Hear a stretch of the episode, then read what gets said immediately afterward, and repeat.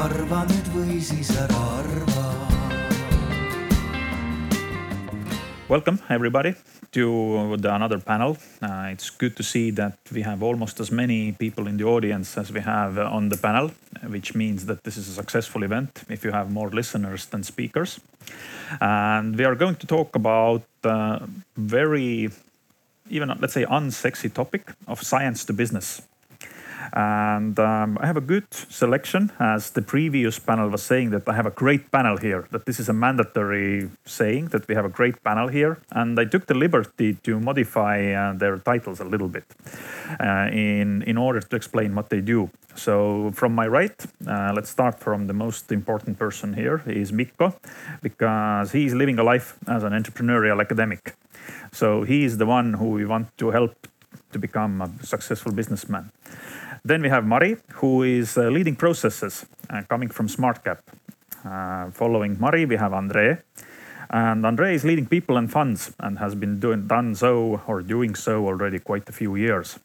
And to close, last but not least, we have Mart, who is leading the change and has been leading innovation, but I don't like the word innovation too much uh, nowadays anymore. So therefore, I took the liberty to say that that he leads the change, and change is one of the things which uh, we are going to talk about today a bit.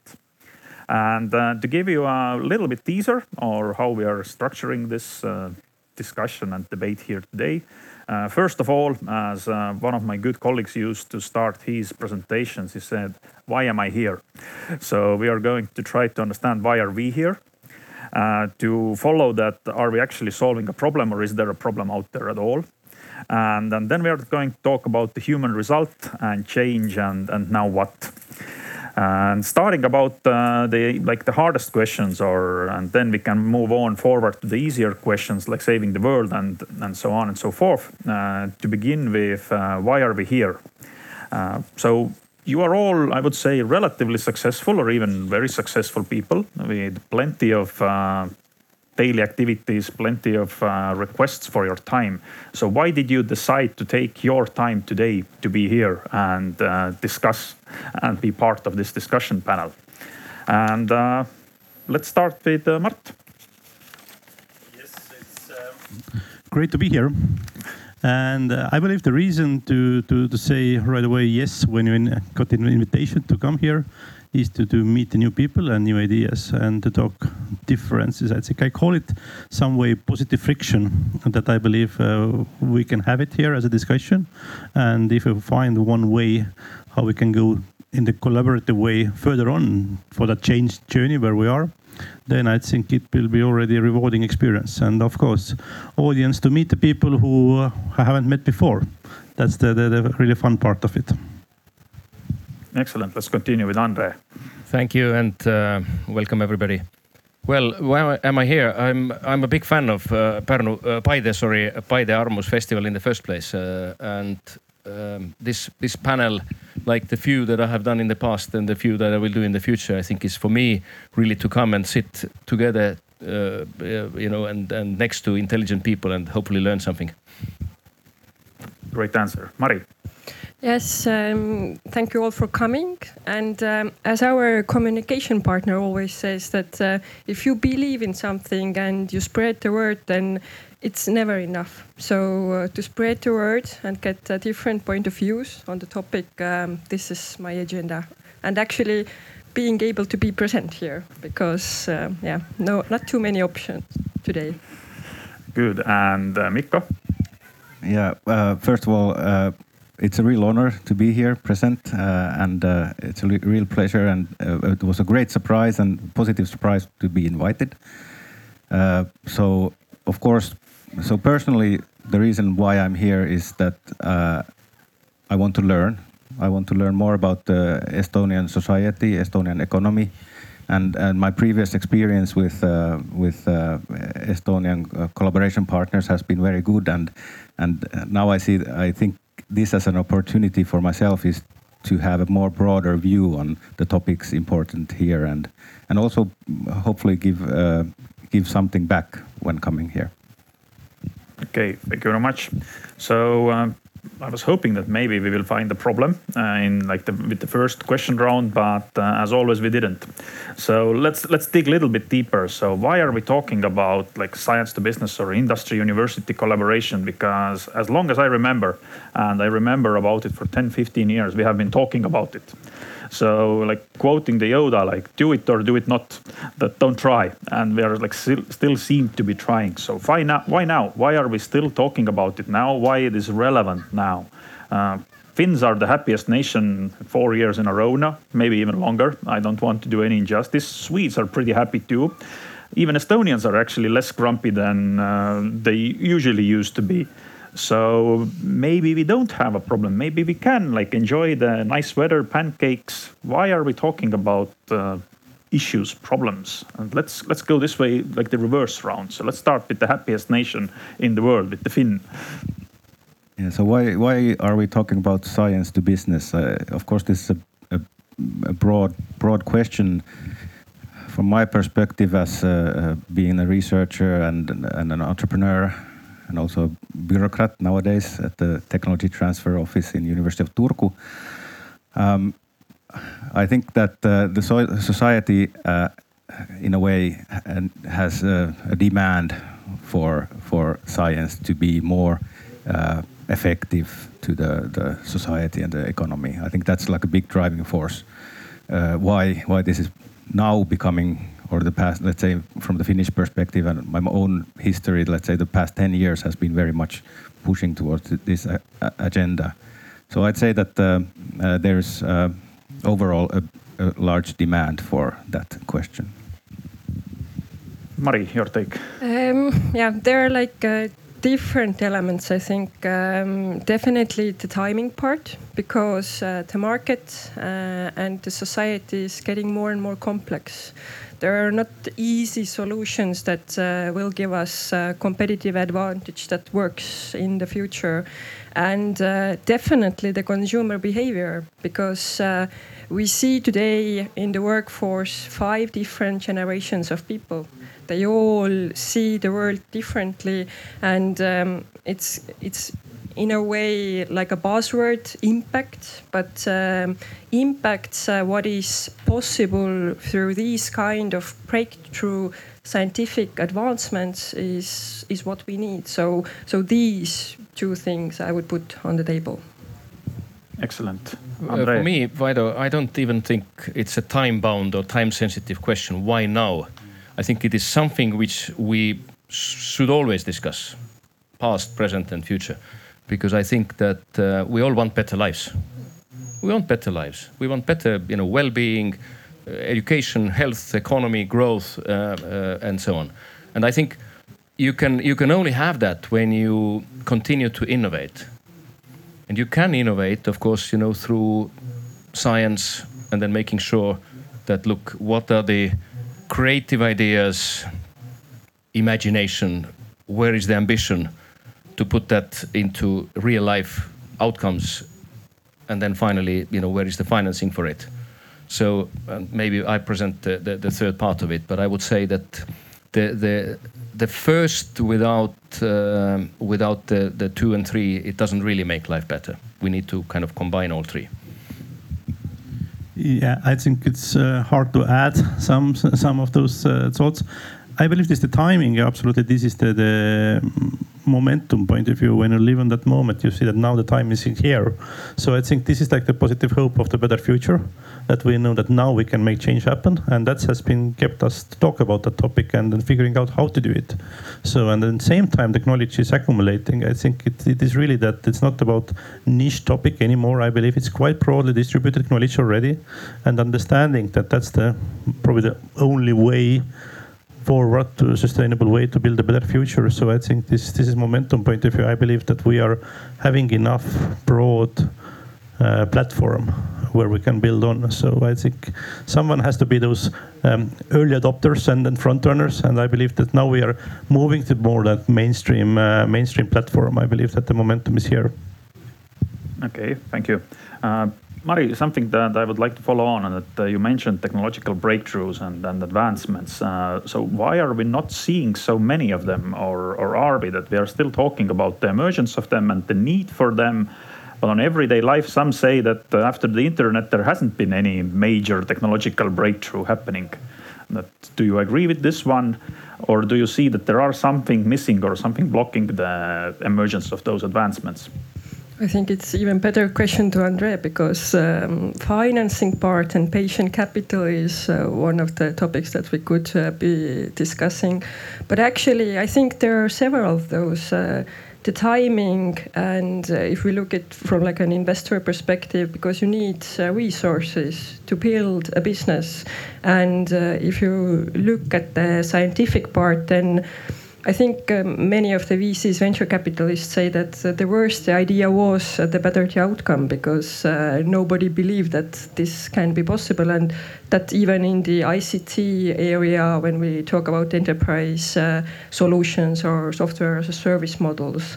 So um, let's do, one, take one example. Um, the timing and uh, where we are today, um, I think it was like a five some years ago when the veganism or or vegans started to uh, coming up and uh, and uh, they demanded or wanted um, products that uh, actually uh, are the same as our not plant-based products. And how we can see one of the examples as Beyond Meat who have actually built uh, a product. It's a food tech. It's a hamburgers uh, which taste like meat, which actually are like meat. So I think uh, it takes so much time to actually get business behind the science. So the science is not ready, and uh, if you take Mikko, for example, I don't know how important for you is the excellence, but actually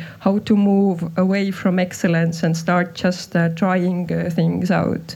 So I don't know what's the easy answer, but uh, but definitely uh, the resources part is what we can uh, discuss on that, and. Um, I think just the complexity side, because there is not just one technology that will have the competitive advantage in the future. There is a combination, and uh, and if we have like a thousand startups in one crowded space, then there is a new one which creates a new market and has scientific parts in there. So yeah, like a different parts in in in that section that we can talk about. So how important is excellence for you, Mikko? Uh, uh, I think uh, excellence is a, in, in, depending on what we mean about, but it's an important part in building uh, something and then uh, thriving for. But of course, we must also see that uh, that uh, if you always strive for excellence and there's no room for mistakes, nothing progresses.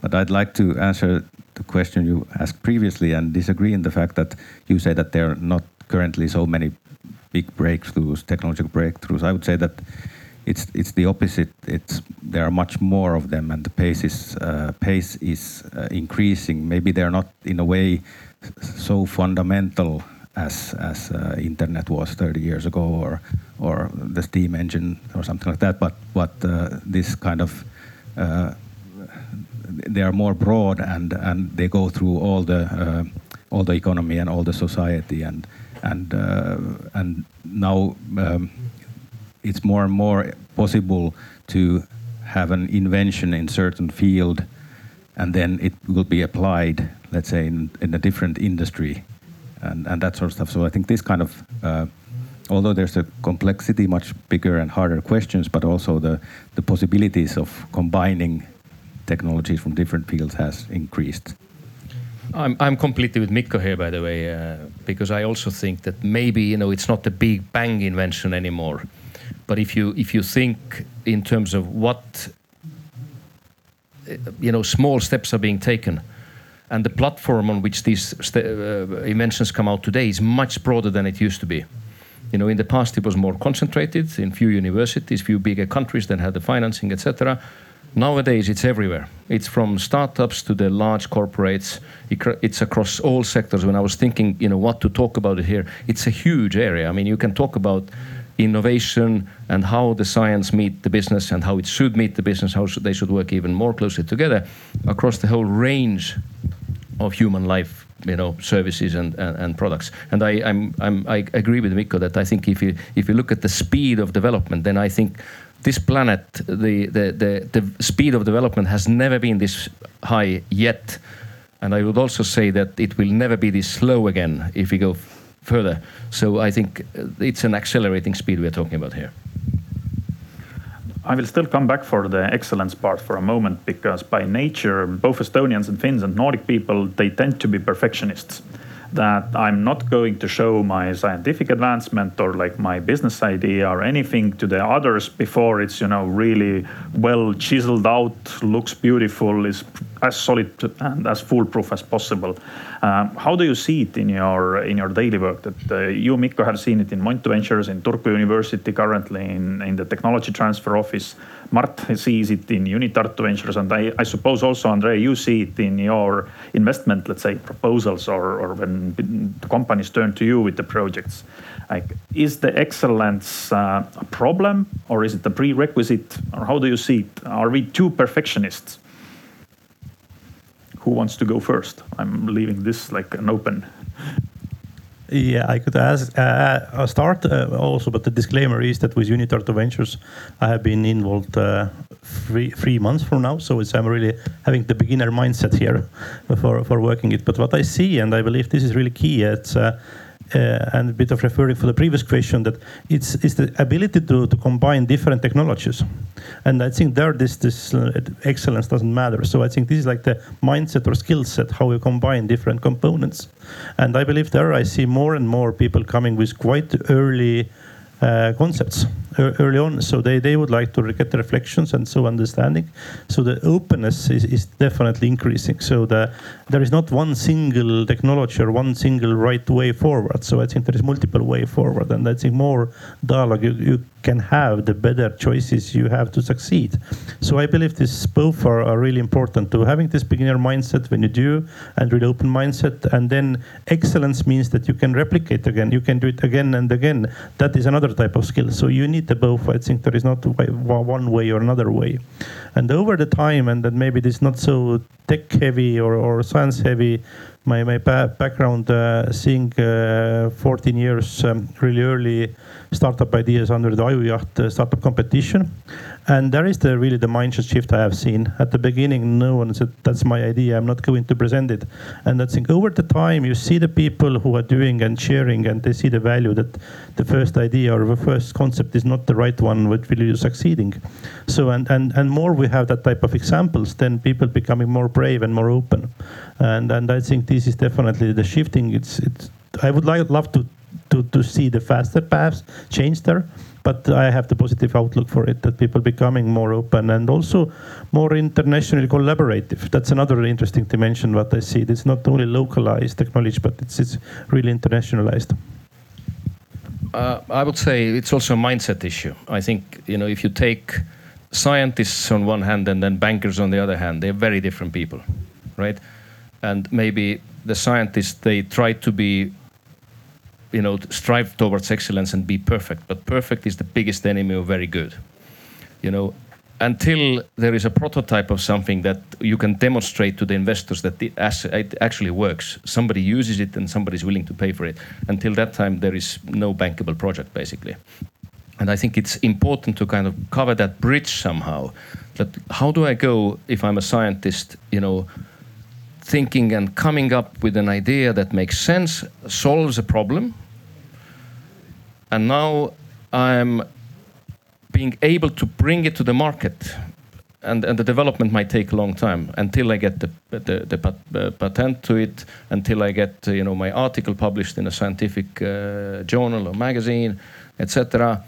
So I think that's the big gap here.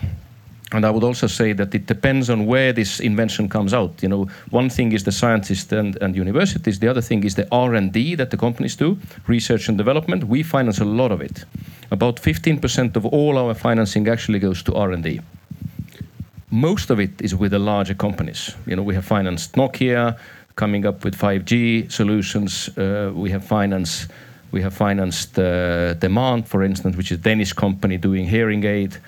Uh, Össur, an Icelandic company doing uh, uh, artificial limbs and so on. So they're all leaders, at least in the region, in their own field. But the, but the bigger problem is that look, you know, startups. How do where do the, would they get their money? And that's not banks, unfortunately. You know, startups are not bankable. Full stop. Not for banks. they are to be financed by by other means. Uh, equity, first of all, and the equity would come from various different sources. Depends on where you are in your development. You know, the, the bottom one is the the FFF or the friends, fools, and family. Uh, uh, you know, then then you might have a business angel, uh, and then you might have a venture capital fund, and then you have a private equity fund, and by that time you you become start to become a bankable. Well, Mikko, yes. Yeah, uh, answering the question about this kind of excellence mindset and and how how do, do we see or does it hinder like commercializing innovations in the university from this perspective? I uh, and my own experience, I, I still see that there is this issue, and of course because it's uh, researchers have to be thriving to excellence. They're competing with the world's brightest minds in their field, and and uh, and also it, it so in that kind of mindset, it, it's easy to see that or fall into this kind of uh, uh, perception that that okay, my thing is all, only small, and it it it you know it hardly competes with with the other great minds. So that's something that we have to work on. That also that uh, that or we have been working on uh, in the universities that is that uh, that to uh, the, to uh, lower the threshold for the uh, researchers and academics to see that they they can have an impact already, and and how how should they come about it? So a lot of this kind of um, uh, teaching or educating them is is bringing this idea of of uh, experimenting also with the commercial ideas, not only with their you know research uh, topics. So we have actually touched already several different big topics, which uh, I would like to even take a couple of them one by one. And one is this change part, actually, what Mart already said, that, and and also the resource part. But uh, following actually from your last thought that uh, about uh, the communication and teaching and education, and, and I would like to ask Mari that do we have a kind of communication problem in, in deep tech or science to business field? Do we need to demystify the field a little bit? That uh, science is perceived as hard, difficult, complex. It's not for you. Unless you're a PhD, you won't understand it. Uh, do, do we have an issue there as well that, that it's somehow imperceivable for us or too distant from us? I think, yeah, sure, because uh, there are different circles and uh, different communities, and uh, um, it's like it's like never ending. That uh, when you join a new community, you first try to understand the language that they are speaking. So to really understand what's uh, important for them, and as Andrei was saying that or referring that. Uh, um, bankers and scientists are different success is different for them. So the really, it's in Estonian ecosystem. There has been a debate, or some people uh, believe that uh, maybe um, not uh, introducing to scientists uh, entrepreneurial models is the right way, but but we should take business people and introduce them to scientists to find the right model. So so it's. Um, it's a difficult topic and uh, to really change this yeah some courage people and some success stories and time and uh, everything uh, will follow but but still yeah to something that i stole away a little bit from the previous panel that we had here is uh, that men don't have sadness in their vocabulary that uh, they are either men you know strong and successful that they don't have a vocabulary for like emotions like especially if they are stressful or sad emotions.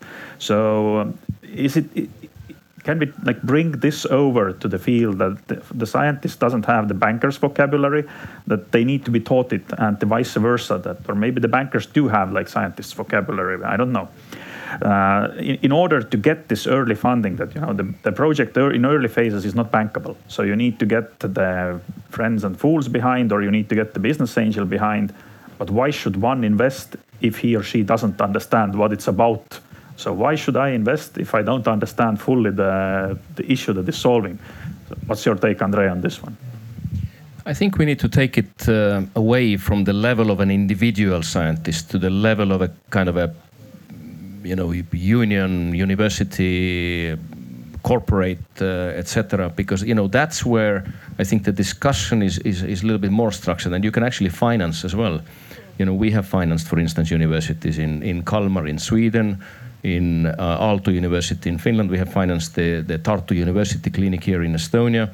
You know, these are the entities you can actually work with and, and you give them money. And they know better than you uh, in your you know, banking office how to use it best. And of course, not every attempt is successful, and not every invention is, is actually something that works. But it's it's more of a kind of a try, test, fail, try, test, fail until you try, test, and succeed. Mart, any thoughts? Okay, Mari, you wanted to add. Yeah, I just uh, um, wanted to um, elaborate maybe some thoughts because um, the main thing uh, where venture capitalists uh, who are actually investing in innovations, uh, uh, what they want is prototype or product market fit. And when we talk about uh, uh, deep technologies and deep tech startups, then uh, the investors need to take this risk because uh, they need to finance the R&D work, what is uh, what needs to be done, and. Um, and now we can turn uh, again back to the timing because uh, when you look at the market and venture capital market, which is investing into these kind of solutions, then 10 billion euros is uh, invested each year into deep tech here in Europe. It's it's um, 60 billion is the whole amount. So now you can see that actually investors are looking into that, but these teams are a bit different and uh, they need to have a bit different mindset and uh, the debate uh, what's uh, in the um, in the VC rounds is uh, does the actual VC model fit to deep tech investments, but but this can be a separate uh, discussion. But but just to like uh, broaden this idea and the vocabulary, uh, this market is emerging and growing. So. Yeah, returning to the vocabulary, and Mikko wants to speak, and I want to just put one like question in front of that is that in words, as we heard, there are funds, there are resources that you know as an academic entrepreneur you have the resources available there. And you are actually living a life both like as you said bureaucrat and also life as an academic startupper. So how does it really feel like? Are those resources out there? Are you seeing them?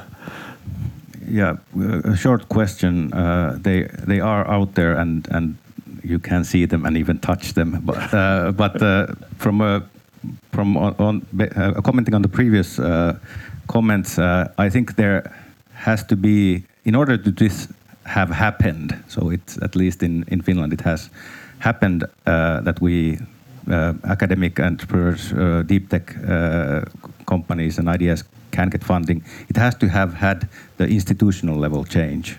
So, uh, talking in the words that okay, now uh, our universities, every one of them have a tech transfer office that's based to, to the, the legislation ch change in 2007, and uh, and then we had this uh, different kind of institutional change where uh, suddenly being an entrepreneur and being a, growth uh, entrepreneur was a possible thing, and we started. Still, 10 years ago, it seemed that in in our our market in Finland that the FFF money was the only money for the early stage uh, uh, entrepreneur or early stage growth entrepreneur, but now it's it's it's changed totally. So there have been these kind of big, uh, in a way, institutional changes that have made it possible. And in the past few few years, there are uh, several um, uh, deep tech focused VCs in the Finnish market only. So so it's it's there. Governments are of course also uh, often promoting and setting up structures, you know, be them government owned or be them uh, both uh, public and private ownership, which you know channel help to channel money into into these you know, uh, riskier uh, research and, and so on. And I think that's very important. And when you when you start aggregating things upwards, you know, from the uh, either scientist to university or from a, a little startup that can can get money from the venture capital fund which in turn can get money from the more adventurous, say, the international financial institutions who can fund, give money to the fund, which then distributes. So you can you can disseminate the, the, the, risk and, and mitigate some of that risk concentration by by kind of scaling up and and of course there is so much money these days and the central banks uh, keep uh, pouring more into the big pot so it eventually ends up also at the lower levels uh, regarding the okay, Mari, your. I just wanted to yeah. comment because there are like good examples where governments are intervening, and then there is France, and then there is Germany, and um, and there was just lately what was it like yesterday or day before I I scrolled in LinkedIn and there was uh, some kind of report, uh, uh growth companies and where does the com money come from? BPI France number three in France, so it's it's also uh, what are the terms and uh, how does it re reflect the market? Because these um, institutionalized processes that have been happening in Finland, where TESI is investing to venture funds which are focused to deep tech, we are trying to do this here in Estonia as well. But um, it's it's a risky business. Uh, how good is it in the long term to the market to interfere this way? So yeah let's not lower our flag too much. I think, given that this is the Nordic area here, the Nordic countries have actually been quite good. Yeah, yeah. Not agree, only at agree. the country level, but also at the city level of promoting innovation. Yeah, and if you look at the statistics even more and closely, then I think it's uh, Finland and Norway which are investing the most to uh, VC money to deep tech. It's like 30, 40% of all VC funding is going to deep tech. And this is just the start because we're in the really early days today. So just for um, like briefly, I want to touch this governmental funding topic because uh, for quite a while in Estonia there was rather an attitude that stay away from a governmental money that it comes with too like many strings or labels attached. So um, maybe the question to Andre first that you have seen governmental money in very different countries. So do you see it having a positive impact and, and do you see it like something that maybe we should lobby in Estonia for more and we should push this initiative further and we need to communicate it better as well that you know that if it if the money comes from government it's not necessarily bad. Well, government's money is not bad per se, uh, as long as it is well used the danger comes to to the at the point when the politicians can decide about specific projects you know which enterprise gets the money and which does not. I think that's a dangerous territory minefield for the economy as a whole makes a mess of it and also polit uh, politically it actually comes and haunts you back as a politician. But government money could be used governments can set priorities government can actually fund you know certain initiatives and set policies around things that then have an economic impact one way or the other. But please leave the investment to the professionals, you know, fund managers, uh, banks, the government's deciding, look, we pick these three enterprises and the price is here, doing it in a government meeting, there is nothing worse than that. I had a question uh, specifically designed for you, so I'm going to ask this one now. That uh, you're a bank, di bank director uh, at Nordic Investment Bank, which means they, that they call you're me president over there, or even a president, you know. So your life surely must be a fairy tale, right? Uh, so what are the aspects of your work you wish people knew that your life is actually not a fairy tale?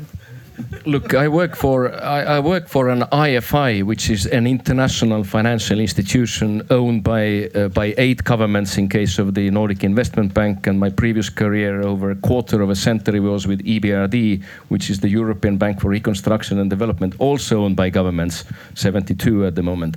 So it's not fairy tale in the sense how you need to you know make sure that your governance stays market-based, commercial, and you, you're never going to get paid if if if if that's what presents a fairy tale to some at the level of, of the of the biggest uh, investment banks. That was a very political answer. Diplomatic maybe. Yeah, um, It's a fairy tale. It yeah, it's it's it Real seems that it's a fairy tale that, that you don't have, you know. But, but let me add, I mean, the, the, the, the difference to uh, t- with the IFIs is that they're all mandate-driven institutions, and that actually is very important. No joking here. That that look for on every project, the banks assess not just look is this profitable or not, but they also assess does this fit our mandate. You know, this, does this promote productivity in a given country, in a given economic center, at the given enterprise level? Is this environmentally friendly? You know, does this mitigate climate change? I mean, these are the good things I think which uh, you know which come through, and and that's that's a way, in fact, for the governments to channel money. They have created an institution. It's not under political influence of one country, and therefore has nothing to do with a political election cycle where things can change, you know, from one uh, to the other overnight. But there is an institution that carries on based on its mandate and try, tries to do good and not just make money. So Nordic Investment Bank is looking at this human result and impact of the projects that you are supporting. That it's not only a profitability criteria that you are looking at. Absolutely. May I add on the previous um, question? Um, I think uh, it's definitely important uh, to have professionals looking at deals when we talk about equity investments. But uh, I think much broader topic is uh, what comes before investors and uh, how well is structured uh, experimentation and uh, what kind of proof of concept funding resources are available. So these are different pockets. Uh, they can be viewed as the same because the result needs to be close or it's like a bridging funding from one to another. But um, on that sense, there is definitely uh, much to learn from Nordics, from Estonian perspective. It's like uh, Finland and uh, what is uh, Teges doing. So, so there needs to be the understanding that it takes money to make money on that field, and uh, and um, profits uh, will be in 10 15 years time not before so so this mentality and having like right pockets on right development phases is is what's actually important Uh, follow-up question here to Andre that you have actually you are like on the very top of the food chain in that sense that you invest uh, large amounts and the huge projects. How uh, transparent have to those pockets be that in order not to like um, have the latest rounds or the latest funds denied and that you know that you have like some kind of money in early phases in proof of concept phases come from pockets which you don't trust or you don't somehow validate that is there an issue in in your experience Well, it depends on the financier, and I think that's also where um, where the mandate or the, the trying to do good kicks in. That uh, you know some of my experiences, which relate back to countries where I used to work earlier, uh, Ukraine, Kazakhstan. You know, most projects die not because they are bad ideas and they are not well structured. Most projects projects we didn't touch because they are with people that you don't want to work with you know that's the, the reputable shareholders and experienced management that has behaved well throughout the election and crisis cycle uh, is something which I think is very important. Which uh, leads me to the topic of change. And and here i would turn to mart that how do you lead a change in a slow moving or change of slow moving processes especially in slow moving institutions? That it doesn't matter whether we are looking at banks or we are looking at universities or academia both are seen as behemoths. Both are seen as very slow moving institutions. So uh, how do you lead a change there Yeah, that's probably deserve a separate session. uh, We have like still 40 minutes to go. and I'm, I'm still doing and learning same time. So, so, so, but I think very few, few, few uh, components that I believe which I have seen uh, worked a couple of times. Uh, first of all, I think you need the top management support. Whatever you want to achieve, you need a mandate, and you need the kind of principled decision that we want to be in the better future somewhere. So, so you can't uh, work towards to the both direction, to bottom up and top down. I think you need the top top support principally. And the second uh, move, in uh, based on my experience, is having critical mass of success stories, and having those early adopters, giving the space and the freedom them to move and to do what they believe is the best for a, for a future. So, so, and I think in the kind of um, uh, uh, that type of like conservative organizations, I believe that uh, people have succeeded by doing how they expected to, to act. So, so, and I think this, this is there is a lot of professionals, a lot of knowledge, and, and that's really necessary. Uh, at the same time, I think you you are afraid to lose your reputation if you do the mistakes. So how you can build the environment when the professionals with the best knowledge can be in the uh, neutral space. So they can go and experiment. They can do things differently based on their historical knowledge. That's the, that's the first step. And at the same time, collaborate with those beginners who don't have that background from the past, combining that type of teams, and even I think in our discussion we're talking about about funding too much. I, I believe we have to talk more about teamwork uh, with the people and the mindset. So, so this is really the fundamental that to build the space and to build the framework, how you can uh, work together with the people from different backgrounds as small teams independently.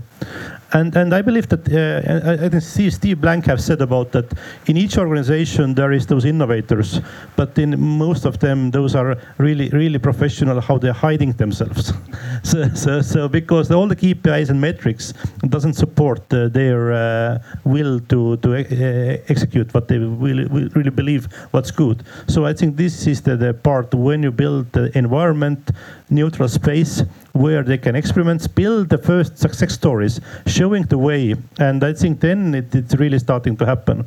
And secondly, I believe it's also really important organizational design point of view that never uh, don't try to centralize the innovation or, or the building the better future activities. It has to be decentralized. It has to be close to the real business, real life experiences, and it's part of real everyday business. It's not separate uh, avenues. So I think you have to combine today present and the future at the same time and then i think you can you can build systematically further so i think those are maybe the elements of the change that i believe which has been which has been uh, so far uh, with the bank background and with a bit of like academical background, I have seen successful starting point, but it's it's the long journey. Okay, I meanwhile encourage the audience, offline audience, to take uh, rain cover. That it's okay, you don't need to get wet. And if you have any kind of questions, you can wave or shout that I have a question. And then, as I promised in the discussion invitation, that everybody can share their opinions. Come closer here. Yes there is no glass wall or, or ceiling between us. Yeah, there, there is even room in the panelist couch if you if you don't find a spot. That I see a couple of people who are well worthy of the spot alongside the panelists. So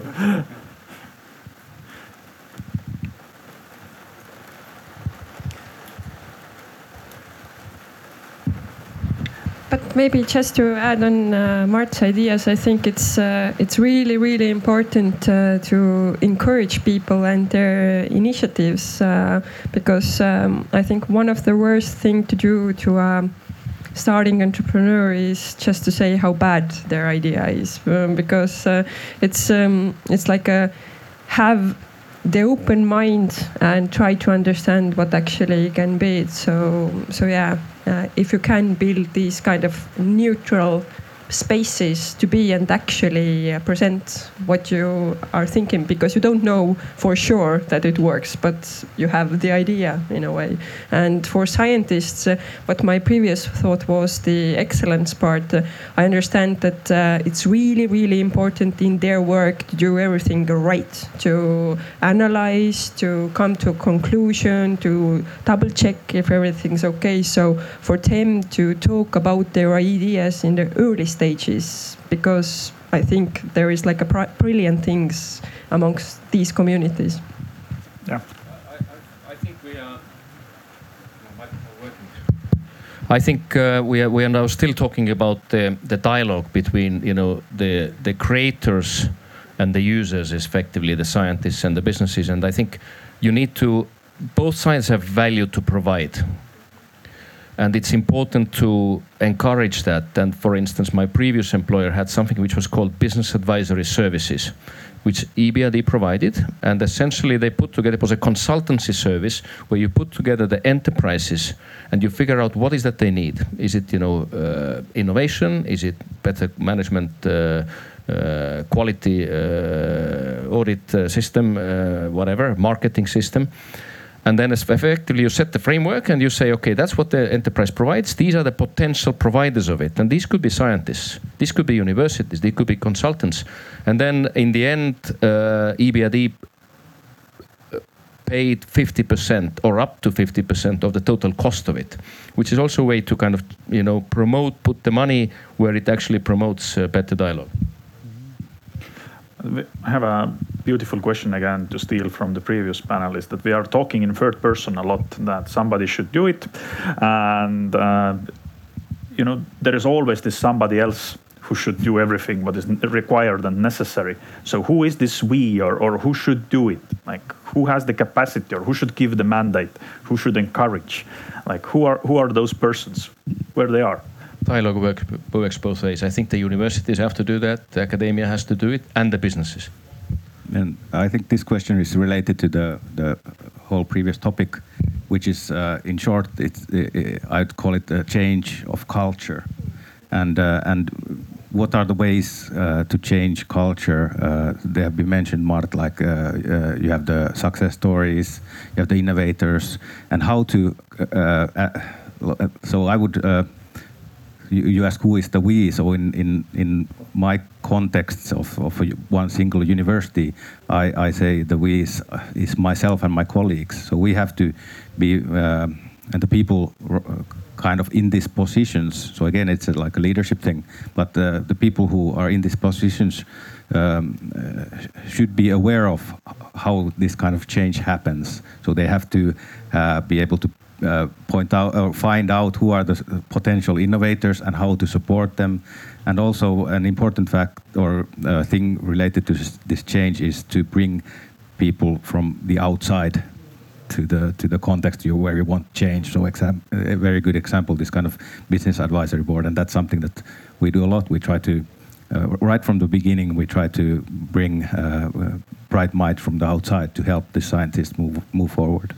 Yes, I, I, would like to add as well that sometimes it is that university versus the businesses. I think, and that's there is different KPIs. That's for sure, and that's that's kind of generating some friction. But I think uh, what we have seen also in some cases when we had in the third or, or the fourth partner, the dialogue becomes much much more, more distributed and and that we did within SEB uh, one of the founders of the Combient which is then a collaboration for innovation and building the collaboration models between different corporates as well.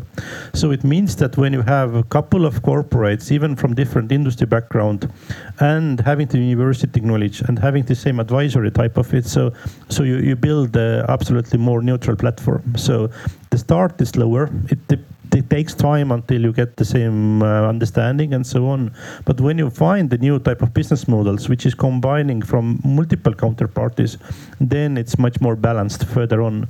So I think not when a university versus the corporate but having that type of consortiums as well to solve some specific topics, which having the broader industry engaged and also, I think sometimes it's maybe necessary, but I think always it could be plan B that you have some more neutral advisory or, or, or facilitator.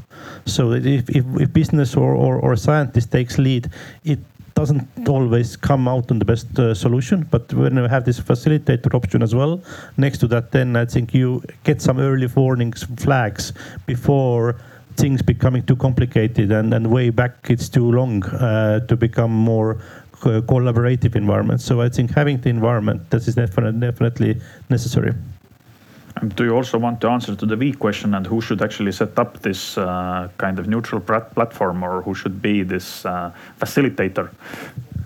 I think this, from that point of view, this UniTartu venture could be the one of the facilitator. For example, one is about really early ideas, but also some partnership with the collaborators and so on. And I think this infrastructure, there is not one single point. I think who is take the responsibility. Just those brave people who are saying yes, I want to start, and you don't know how the future look like, but you start setting up, st set, uh, stepping out from your home uh, comfortable cottage and starting to, to to get moving. I think, and on the way you will find those people people, having more entrepreneurial minds and those open, open, brave people who are starting to take moves. So there is you cannot pinpoint, but I think we need those those people more, and we need them to to to know each other more.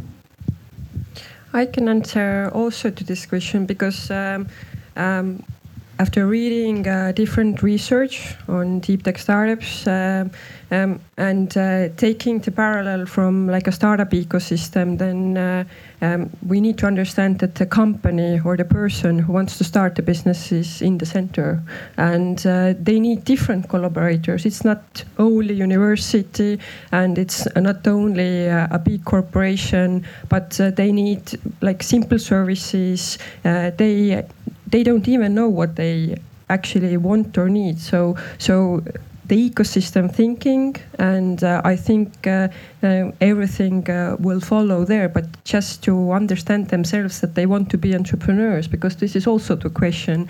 And uh, when we talk about the science and scientific people.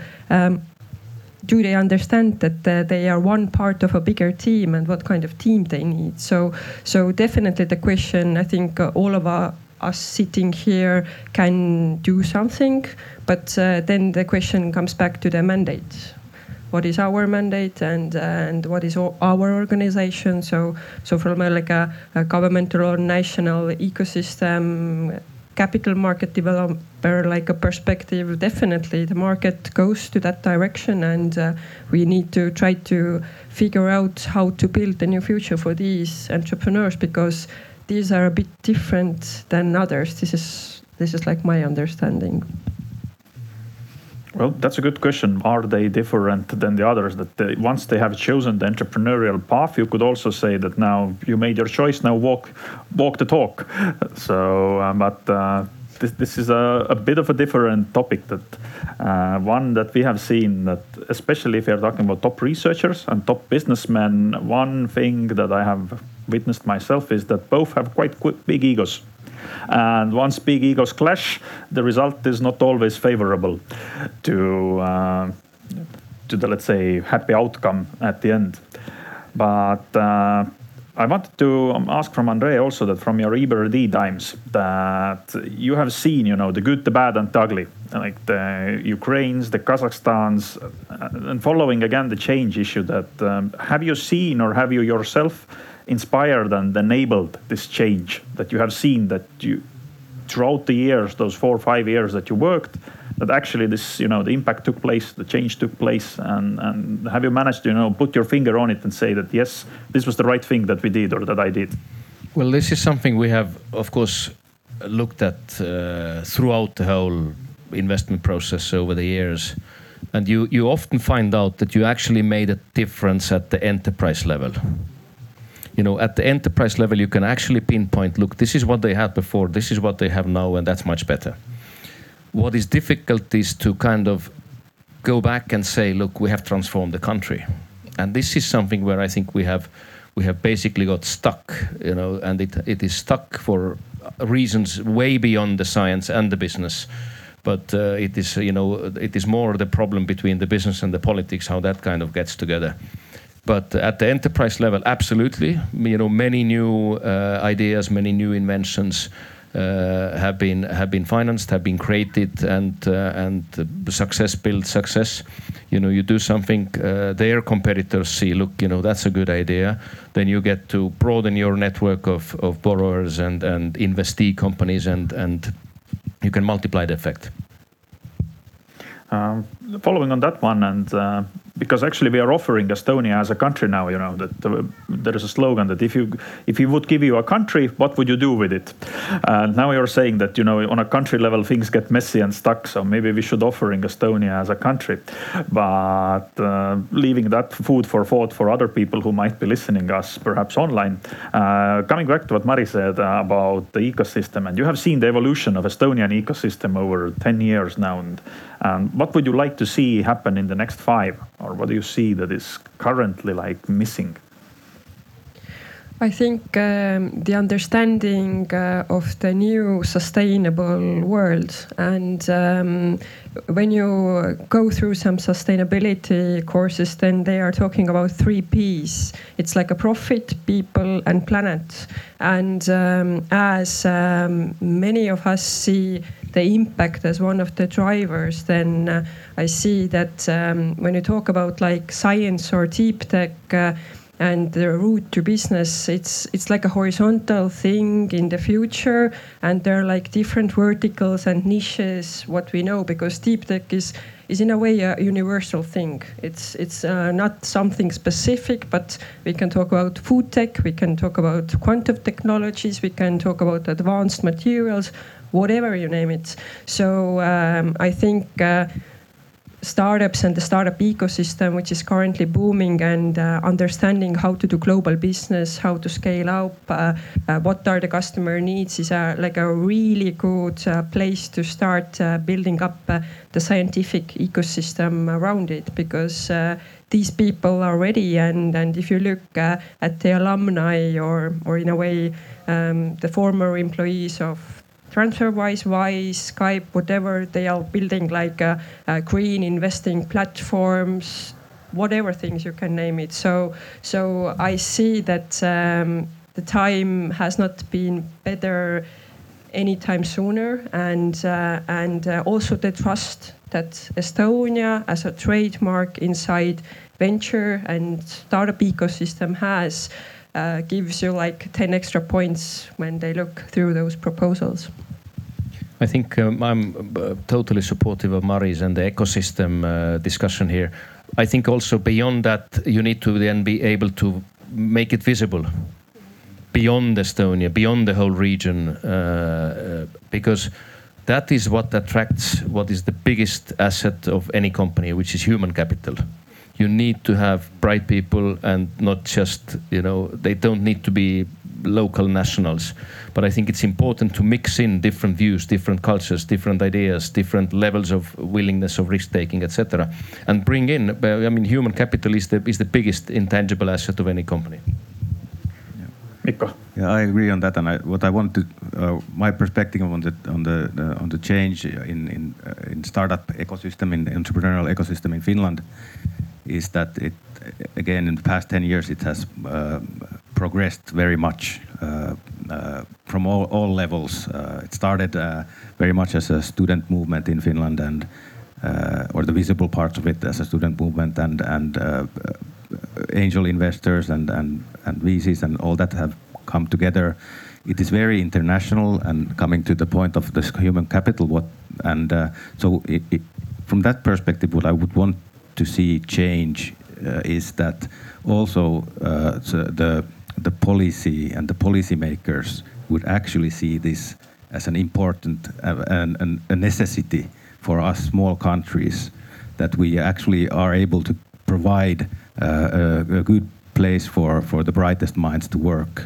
And I, I usually don't uh, rely on policies or don't really care about as an entrepreneur. You are set with a, a, a context and you work there. But this is something that I really would want to have uh, uh, the the politics and the policies take take a very uh, broad and, and future-looking perspective on that. How do we, uh, uh a small country and and in the uh, even quite short run, a decreasing country, how can we actually be be um, uh, successful?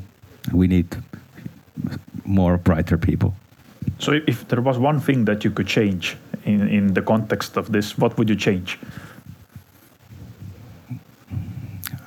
making it easier for for uh, the bright minds to uh, uh, set up their life in in Finland in Nordics. Okay, I will not go into asking like uh, how do you define bright. that could lead us to another long discussion. But I do have a similarly long question to Mart because it seems that I have like the best and most vague and longest question to Mart. So how are how are we able to build those working and lasting partnerships and and to bring in this human capital, especially actually considering what Mikko said that we are tiny tiny countries, tiny region the whole Nordics in, in global context, we are relatively tiny. So how, how are we able to build these uh, partnerships? Yes, uh, I think um, two parallel think, thoughts coming to my mind. First of all, I think it's uh, we can replicate some other success stories. I think when we're talking about the, the not deep tech, rather like the software as a service, business to business uh, examples, what we have managed succeeding to, to, build here in Estonia, combining people from different backgrounds and so on. I think we, I believe, really believe that we can replicate this knowledge also for the deep tech uh, environment. Uh, and, and I think it means that uh, even we are tiny, tiny, uh, I think when we have the, from the day one global mindset, whatever we build, we're starting to attract talents as well. And, and it is the natural logic that talent attract talents. So we need those, those, those critical mass of the, the people who are starting to move and it going further. And you're having this kind of global mindset from the market point of view. And also, I believe that is also from the past that uh, physically we have to be here all together all the time. That's another like the new paradigm shift what what we are facing now. So uh, then the mission drives people together to build something together. They don't have to be in the here physically in, as part of 1.3 million Estonians, but they have they have to be engaged to do behind that, that mission that we do. So those companies and and and the new businesses uh, or or industries that we're building here they have to be enough meaningful for enough broad uh, and attractive audience where they can stand behind. And secondly, yes, all the rest of the world should know us that we do it here. Otherwise, it doesn't make sense. So we have to be also good of telling the stories and showing those examples. I believe this is one of way how to build uh, broader communities. And and the secondly, I think it is that uh, yes, we are 1.3 million. We are really small but in, in the small scale, we can be really flexible. We can shift, change, design differently, uh, and, and learn really fast. I, I, think this is the one of the advantages that we have here.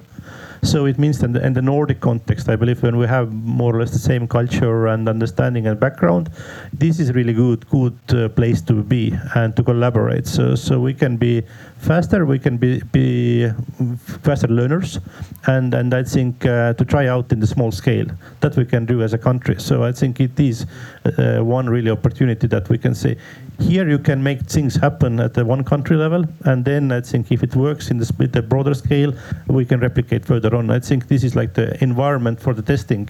That, that secondly, I believe, really attractive value proposition that we can formulate better and also bringing in this deep tech dimension because I think we so far we have been more like the traditional tech uh, ITC point of view successful, but I think we can we can really build the bridge between those two two uh, categories.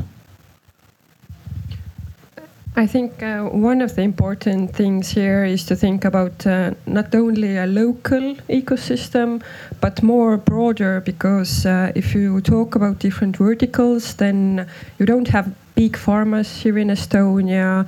I don't. I think it's like a six thousand companies uh, who employ more than two hundred and fifty people or something like that. So our economy is really really small. Even if you test something, you don't have the right conditions. So the Nordic dimension here is really really important. Uh, and I think if we talk about like different niches and areas also inside of the ecosystem today, it's um, it's already at least regional, so European level that, that we are talking, and we need to put effort to have this because Europe is 28, seven different markets, and to really have the right conditions. So to have this in mind as well, because I think. Uh, one of the conclusions made um, to look at Estonian startup ecosystem, it's too local, and now the question is how to be more visible on European level and have the right connections to offer the right services, which is like a market level services in a way. This is an interesting point that you're bringing out because I was thinking uh, when Mart was saying that uh, you know this openness and and uh, mobility of people are we willing to accept that the talents that we Estonians are, we are moving away? You know, Andre has been away for a while. Luckily, he's back for time being. But if we become not 1.3 million, but we lose another 100,000 talents because they are actually signing up for this value-based mission that you described that you know we want to make the world a better sustainable place are we still then saying that okay we keep them in we, we don't allow you to leave that we are willing to take people in but we are not willing to give them away So are we ready to face that? As, as you say, that there are 27 countries in or 28 markets in EU. That if the people, our people, would go to Italy, what will happen to Estonia? I think this debate was like uh, five, seven years ago when um, startups was in a way mystical creatures. Nobody knew about it, and they were like uh, uh, some balloons and pizza and uh, long hair, and uh, and it was like uh, how can be business behind it. And then the debate was, but they are moving away. They are taking in investments from outside. And when Wise made IPO, then they were proud to say that thousand wise employees work here in Estonia. So, so in a way, yeah, we need to uh, understand the globalization and the risks, but uh, I think this is the reality. And uh, in today pandemic world, uh, do we need the people here present in Estonia? And uh, what is the future of work, which is again another panel discussion. topic probably yeah, taking place at the same time yeah. uh, somewhere uh, across this uh, Arvamus festival. Uh, yeah, I agree. Uh, Mikko, you wanted to add something on this one? Yeah, I think that uh, that for small markets and countries like like ours here in the Nordics, the only option and the default setting is is that we have to be open. Our, there are, there is no big company without the the uh, international aspect. So that's uh, so. Uh, I, I see it always a success and a big thing that that Finnish bright minds and good companies go abroad and get get uh, bought out and that sort of stuff. It it uh, it's it's the it's the positive dynamic that has to be there in order to also to uh, like was previously mentioned in order to um, um, success come back. You have to have success to to have success come back. Uh, I think it, it only works two ways. If you want people join, you want to also create them the opportunity to leave. And effectively, it all comes down to the attractiveness and how welcoming you are. Welcoming in the sense of all the you know state bureaucracy, starting from visas and and uh, these type of things, but also welcoming as a society. You know, are we, you know, welcoming these these people here? And I think we should. And one other aspect is also that we need to, when we talk about startup entrepreneurs, you know, they're not all young single people. You know, gradually they have families, and and that kind of support network then to be created that you can actually bring your partner, and the partner also finds something to do, and you can put your kids in the international school, which is you know at the at the level that that is acceptable, etc. You know, these type of things are all that eventually will start influencing whether or not people come or go. So do we have any questions from our audience? I haven't had. Madis has a question, I see. There is a microphone coming to you as well in a minute, or even quicker. It just was Olympics, so it's much quicker. Okay, thank you. I am Madis Kanarbik from the Nordic Council of Ministers office in Estonia. And uh, first of all, please let me express my gratitude to all the panelists for the interesting and good discussion. Uh, thank you. And uh, my question, I would like to ask uh, uh, Mikko and uh, Mart, could you please uh, bring some, uh, uh, maybe some very concrete uh, example of where the, science to business uh, model has uh, worked out very well in your experience? Or maybe even others if you want to add. I think there are there are a lot of them, of course, and from um, from uh, our university's example, we have, uh, or I the the the good examples that I I enjoy especially are the ones that you are su surprised about. So we have uh, physicists who have been very much working on the uh, on the atomic layer and and uh, doing stuff that that even as a PhD I have no idea what they're actually doing but and and uh, but and and the progress was slow. They they started out to look at this uh, opportunity of commercialization, uh, tried to get funding and, and so on for a couple of times, and uh, and only succeeded in the third third time or something like that. And now uh, they are uh, a very or they're only a few years old company and they are relatively uh, successful growth company. So so um, so there are plenty, plenty all the time coming different kind of uh, kind of good examples. I like the fact that uh, this food tech, uh, the one of the biggest problems globally nowadays is is very much uh, the the new solutions are very much driven by science and uh, and um, and so on and yeah so not naming names but uh, the the most the best from my personal experience the best cases are the ones that you're actually surprised that this kind of basic researcher suddenly became part of a growth venture. They don't have to be the ceo they don't have to be the the the, the basic entrepreneur type but they are actually important the most important part of that that venture Yes, and one example that I would like to share is uh, related with Tartu University is BioBlocked product, BioBlock. So it's uh, blocking the, the virus uh, infection uh, by by spreading the, into the nose or this. And and I think this is kind of good example when we're talking about really limited time frame, when uh, the, the, market need is there, and when researchers combining together effort with entrepreneurs. So it was two universities, Tartu University and uh, and um, and uh, Põllumajandusülikool, and as well two uh, companies, entrepreneurs one. So, so they combine as a consortium, and time to market from opportunity uh, uh, first meeting until the product was launched was the four month. So that's another great example. So it's not new invention as a technology point of view, but it's already research work I've done in university, but applying in the right time, in the right context, in the right right coalition uh, uh, and and really succeeding. So I think this is a one of good example. I believe that we we need them more. And maybe another related point is that always you don't have to reinvent everything which has been never been before. So it's all about applying the right combination of the technologies which already prepared in the research work in in the new environment. This I believe is really good example and encouraging for others. Yeah, that is a good point that 90% uh, of the knowledge exists already. That in every session that you attend, also probably in Arvamus Festival here, 90% of the things you knew already, just the extra 10% is added that you might find if you are lucky. So, but do we have any other questions? I also remember one actually good example from Turku University when uh, one of the biotech professors went to Stanford and have, after having a really successful academic career at the University of Turku, he went to Stanford and he discovered to his uh, great surprise that every self-respectable professor there has a company and he didn't have.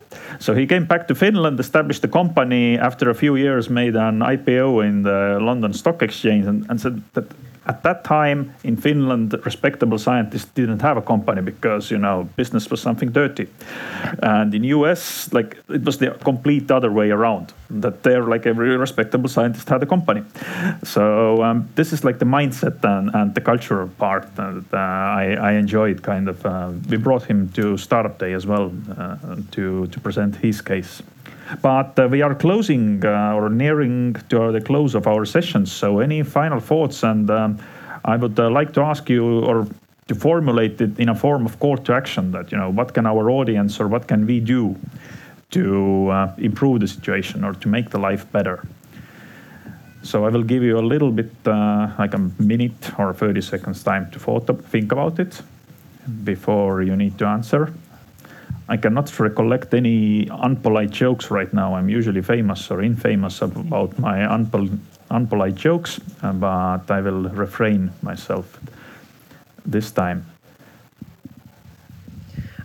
Yes, I, I think the, one of the questions that you asked about uh, the, how mystical it is or how uh, realistic it is, then um, scientist and science is part of our society and it can um, offer you more opportunities for business than you can imagine. So, uh, if you're talking with a scientist or looking some new uh, uh, technologies that have been or coming out of laboratories, uh, try to think what is possible. So, so to try to find a common language to to really assess the potential because um, maybe there is something for you and and definitely not all science uh, finds the route to business. Uh, everything is not commercializable, commercializable but um, maybe something is. So um, the new entrepreneurial community inside of universities is definitely there.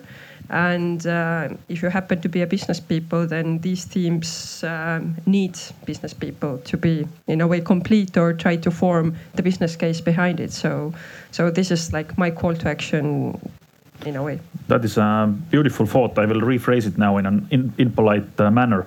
That talk to a scientist like he's a human being, he or she is a human being, because often we refer to the scientist like it's a, like an experiment somewhere in the cell or a zoo, like you know that there's a scientist, see white coat and everything, and you know hat and so uh, let's let's treat them as as human beings. Uh, something good might come out of it. Uh, Andre or Mikko, like Andre. Okay. I, I would suggest that we shouldn't see the science and business as two different islands that the scientists live on this island and they will always be living on that island and, and the business people live there. All we need is a bridge. I think they are increasingly integrated. I, I would say that companies and the large companies do a lot of it. They actually hire these people to work for them. So the scientists become employees. So the laboratories that used to be at the universities are now at the at the company and the R&D or the research and development, basically, it's it's uh, it's a volume business. You know, the more you pour into it, uh, money-wise, resource-wise, the higher the likelihood something good comes out of it. And and of course, the larger companies have an upper hand in this game. But I would also say that uh, you know, hopefully, when we spread across all this liquidity that has been spread over the markets you know, hopefully also the mid caps and the small cap companies can can have you know greater access to to that uh, financing, and and we certainly, from our perspective uh, at the bank, would like to you know start taking slightly more higher risks and and work with them for a moment, I was thinking that you're talking about building a bridge between Hiiumaa and Saaremaa, but then you mentioned that it's a volume business. Then I understood that, okay, no, that this is not between Hiiumaa and Saaremaa. But it, it's good to know. And, and I would uh, just like to, you know, pull out the fact that you mentioned that you have also um, invested into the universities, that uh, this might be a revenue stream that many universities have overlooked or they don't even consider themselves as, as bankable projects. So um, definitely a potential revenue stream there. Mikko. Yeah, uh, you asked what would be my call to action. I'd say to people here and, and uh, online, I'd say uh, in, in short that be curious. So if, if there's a, a, a topic or theme or uh, uh, you like, you're interested in, in the everyday uh, like life, go and look a little bit behind what's uh, what has created that, uh, what, what's it related, and and you'll find uh, science there. And then on the other hand, be curious. Also, grab uh, the sleeve of a of of a researcher you know or your old professor or, or something like that and and ask them what what uh, what have what new have they created and, and, and start a discussion on, on that. And maybe if they haven't been already uh, innovative, maybe that, that will uh, start them to think that actually they can have an even more bigger impact on, on the society. Excellent definitely be more curious as a little bit curious that uh, you know we have full uh, full social media of researchers who say that I have researched it and I have Googled it. So maybe slightly more, curious, but uh, anyway, a really good and welcoming thought. So, Mart. Yes, I, I truly believe that we need more entrepreneurs and uh, and it, they, they might be entrepreneurs they might be in science driven entrepreneurs minds i think it's you don't have to be like the business founder yourself, but you have to be good. entrepreneur uh, definition also means that you are a good team leader. So and then you have to know what there is your knowledge, what I know and what I don't know, and who else can complement me, and so on. So you can compensate a lot of your your missing uh, uh, competencies. And the same you, you mentioned once the, their big egos. I think there's another part which is really enemy of, of the of the of the of the of the great collaboration. I think understanding that to treat your ego, build a team, and then figuring out that to, together with the great people you can achieve much much more. So I think this is really the the, the mindset uh, starting point and, and collaboration is the key for uh, for a success. You, you single with your own ego or with your own research group. I think there is limited opportunity for the building the great businesses. Uh, building the teams and building the new relationships and collaborating that's the only way to, to become successful and and radically bigger and more more impactful Excellent. And since I did promise that I will ask you this question, Mart, I will uh, leave it at the very end and I will still ask it because we have a couple of minutes. You were also like living a relatively good life at a well recognized bank, bank well recognized position, probably even a happy wife. And then you decided to go to academia. Like, why? Uh, I, am I'm, I'm I'm always willing to learn something new. That's the first reason. I think there is a lot to learn, and, and when I'm all together with the really smart people around me, probably I, I will learn something faster and, and more than I can learn. So, but I think uh, that's one part. But secondly, I believe that when really being in the well uh, matured companies, when you do innovation under the uh, safe side of of, um, of environment, I think you can do incremental innovation. So, so by definition, large corporates are, are designed in a way to protect the wealth that they have once created. So you cannot make too radical moves. I believe that moving more academia and moving more early stage, I think there is much more new opportunities, and, and you can be much more vibrant from the from the new dimensions. What I, I didn't saw anymore so much in under the bank umbrella. So we saw a lot of collaboration from different banks and so on, and and so on. Uh, but I think this is really the the, the, the secondly motivated me to to learn and to, to really to, to, to impact point of view. I believe from from that position and, and in that environment, the impact uh, in the longer run uh, is probably broader.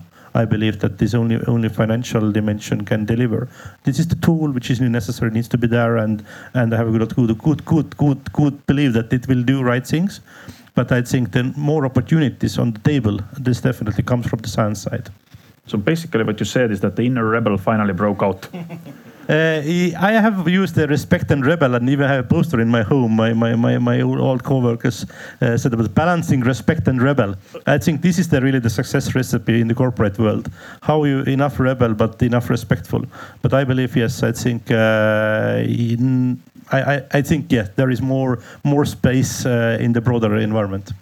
Andre, want a simpler way to, to respond to your question is, is that Mart is a living example that bankers are no longer at the top of the food chain. so I understood when he said that, you know, I like to surround myself with smart people and I had to leave from the bank. so but uh, I decided to learn new things from yeah. smart people. they, don't don't don't cut out it only one. No, it's it. it's you know the, we are still living in a modern digital age. We always have to cut something out of the context and put it so that it can be quoted. That Mart Mart Maasik said that bankers are stupid or something like that. That uh, that that makes the headlines. So we get to the evening news. So uh, thank you to the panelists. Thank you to the brave audience who uh, braved the weather, braved uh, our uh, not so easy discussion. And uh, thank you for the tech crew. Thank you for the Nordic Council of Ministers for having us. Now is like the final, final time to share your final thoughts. Or as they say in churches, we didn't discuss religion, but speak now or be silent forever. So now is your chance. If not, then we can enjoy the pancakes and the beautiful surroundings of by the Arvamus Festival. Thank you very much. Thank you. Thank you. Thank you.